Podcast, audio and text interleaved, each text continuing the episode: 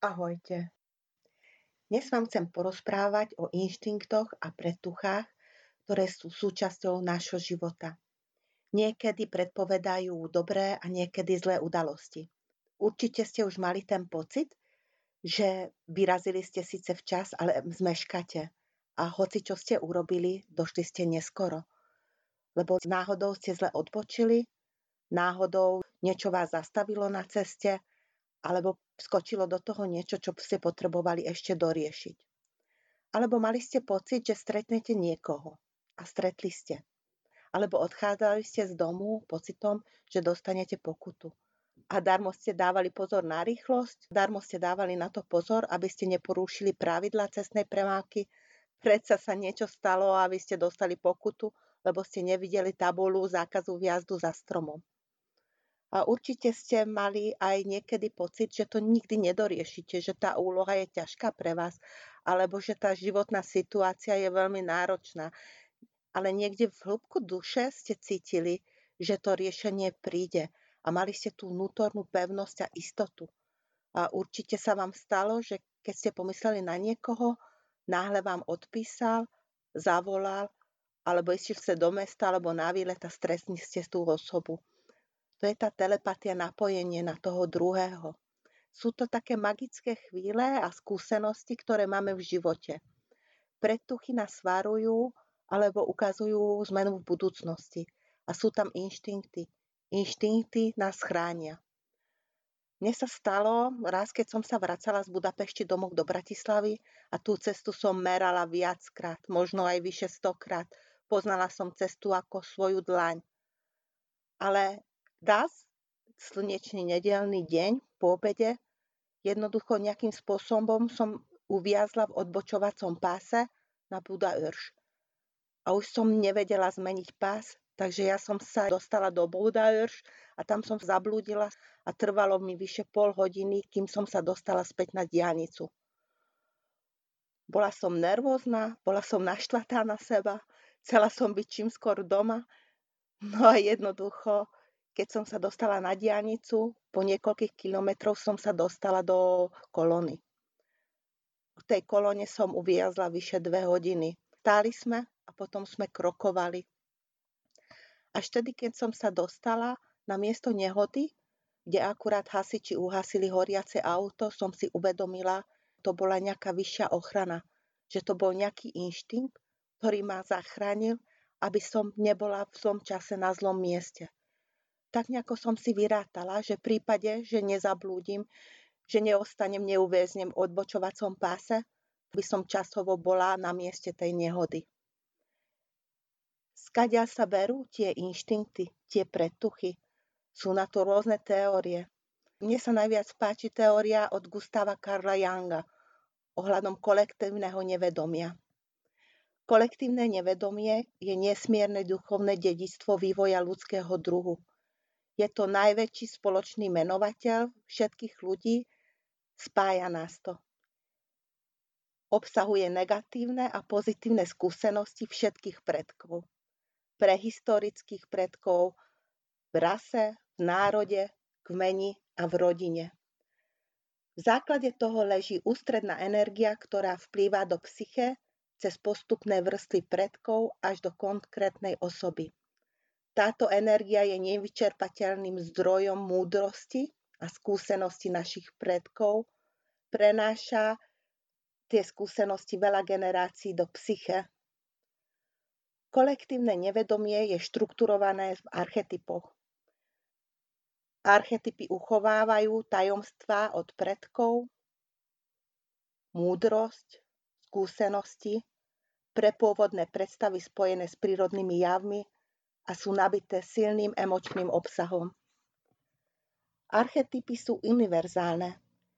Young študoval rôzne izolované kultúry, ktoré, ktorých členovia sa nikdy nemohli stretnúť kvôli geografickým vzdialenostiam.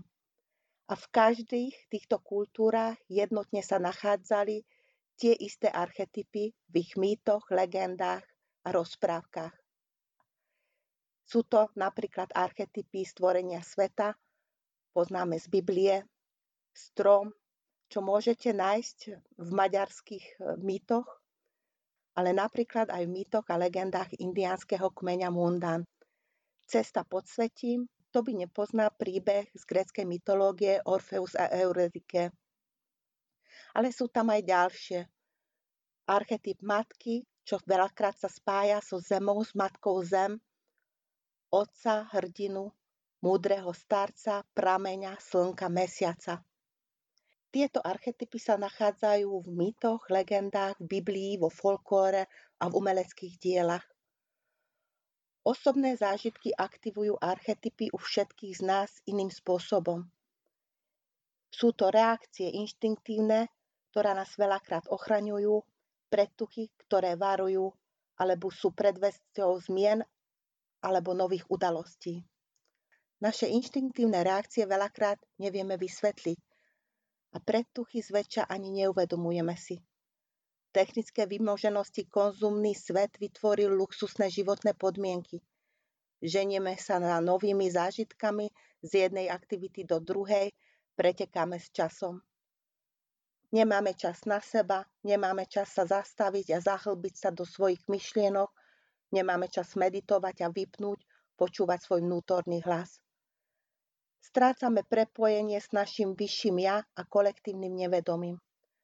Preto sme čoraz viac zraniteľnejší aj ako ľudia, aj ako spoločnosť.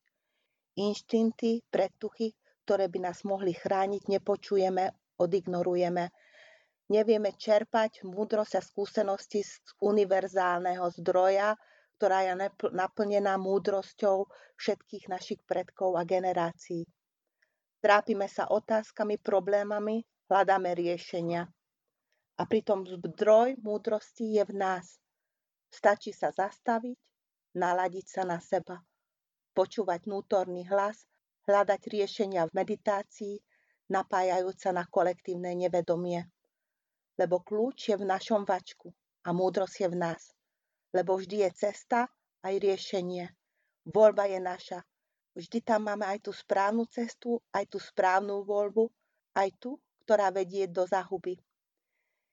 Dnes vám prečítam legendu severozápadných indiánov, ktorý sa nazýva Most bohov. V tejto legende sa tie inštinkty a predtuchy a správna cesta sa prejavuje symbolom Boha, veľkého ducha, ktorý posiela informácie ktorý hovorí k indiánom. Ale indiáni nepočúvajú tento hlas. A tento hlas veľakrát je našim vnútorným hlasom. Veľakrát rozum nám našepkáva veci, akým spôsobom robiť, ktoré nakoniec nás zvedú zo správnej cesty. Ale v srdci, v duši vždy cítime, čo je správne. A keď pôjdeme tou cestou, tak bude to cesta, ktorá nás privedie tam, kde patríme, ktorá nás privedie k riešeniam. Most bohov Dávno pradávno, keď svet bol ešte mladý, všetci ľudia žili šťastne. Duchovia, čo sídlili na slnku, dali im všetko potrebné a ľudia nepoznali ani hladu, ani chladu. Raz sa však dvaja poškriepili pre kúsok zeme. Starší chcel získať väčšiu časť pôdy ale mladší mu nechcel ustúpiť. Veľký duch sa rozhodol, že škriepke urobí koniec. V noci, keď bratia zaspali, preniesol ich na novú zem do krajiny vysokých chór. Horstvo pretínala veľká rieka. Veľký duch sa s oboma bratmi zniesol na končiar vysokej hory a zobudili. Vtedy bratia uvideli, aká je krajina bohatá a prekrásna. Nech každý z vás vystrelí z luku na rozličné strany. Povedal im duch. A ide po svoj šíp. Keď šíp dopadne, tam bude jeho zem. Každý z vás sa stane veľkým náčelníkom a rieka bude vašou hranicou. Prvý brat vystrelil šíp na juh rovno do údolia rieky Vilimete. Stál sa zakladateľom a prvým náčelníkom kmeňa Multnomachov. Druhý brat vystrelil šip na sever do krajiny Klikitat. Ten sa stal zakladateľom a prvým náčelníkom kmeňa Klikitatov. Potom veľký duch postavil most cez rieku a bratom riekol. Postavil som cez rieku most, aby ste sa vy a vaši príbuzní mohli vzájomne navštevovať. Tento most bude znamením mieru medzi vami. A pokiaľ budete nažívať pokoji a svornosti, most Bohov bude neochvejne stať na svojom mieste. Bol to široký most, taký široký, že naraz mohol po ňom prejsť veľké množstvo ľudí aj spony. Mnoho zim prežili ľudia v pokoji a svornosti, často sa vzájomne navštevovali. Ale po nejakom čase sa ich vzťahy zmenili. Ľudí sa zmocnila závisť a chamtivosť, často medzi nimi vznikali zvady. Veľký duch sa opäť rozsneval na ľudí a aby ich potrestal, vyhasil slnko. Ľudia zostali bez ohňa a keď nastali zimné dažde, trpeli chladom. Vtedy olutovali, že rozsnevali veľkého ducha a prosili ho, aby im oheň vrátil. Daj nám oheň, lebo ináč zahynieme od chladu. Úpenlivo sa modlili k veľkému duchovi. Ich prosby odmekčili srdce veľkého ducha. Zašiel k jednej starenke, v príbytku ktorej ešte horel oheň lebo po celý život nikomu neublížila. Ak sa o svoj oheň podelíš s ostatnými, dám ti všetko, čo si len zažiadaš. Slúbil jej veľký duch.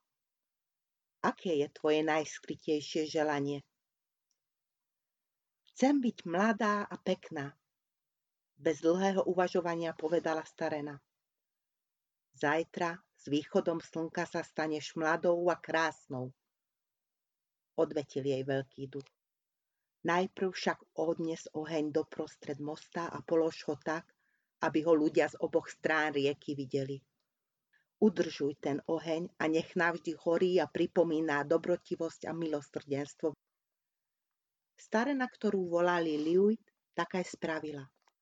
Veľký duch dal opäť zasvietiť slnko.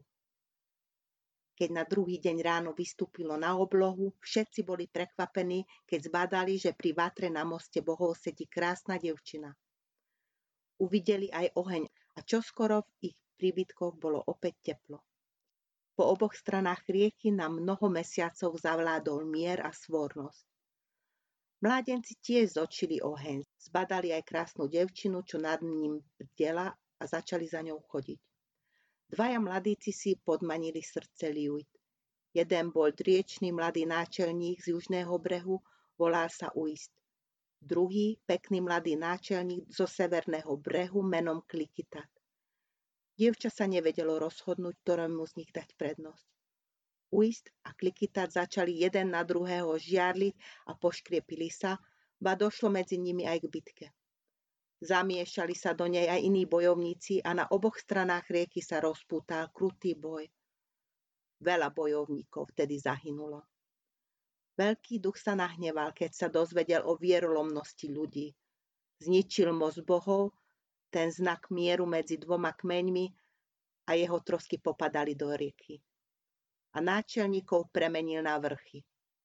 Povráva sa, že ešte podnes sa škriepia pre Luit Vyvrhujú zo seba plamenné jazyky a hádžu jeden do druhého rozpálené skaly. Tie však väčšinou do cieľa nedoletia a padajú do rieky, kde vytvárajú závaly. Preto je rieka Kolumbia taká krivolaká a jej tok, najmä blízko mesta Dules, taký mocný. Luica premenila na horu so zasneženým končiarom a podnes si zachovala svoju mladosť a krásu, ten dar veľkého ducha. Uis je známy ako hora Hud a Klikitat ako hora Adams.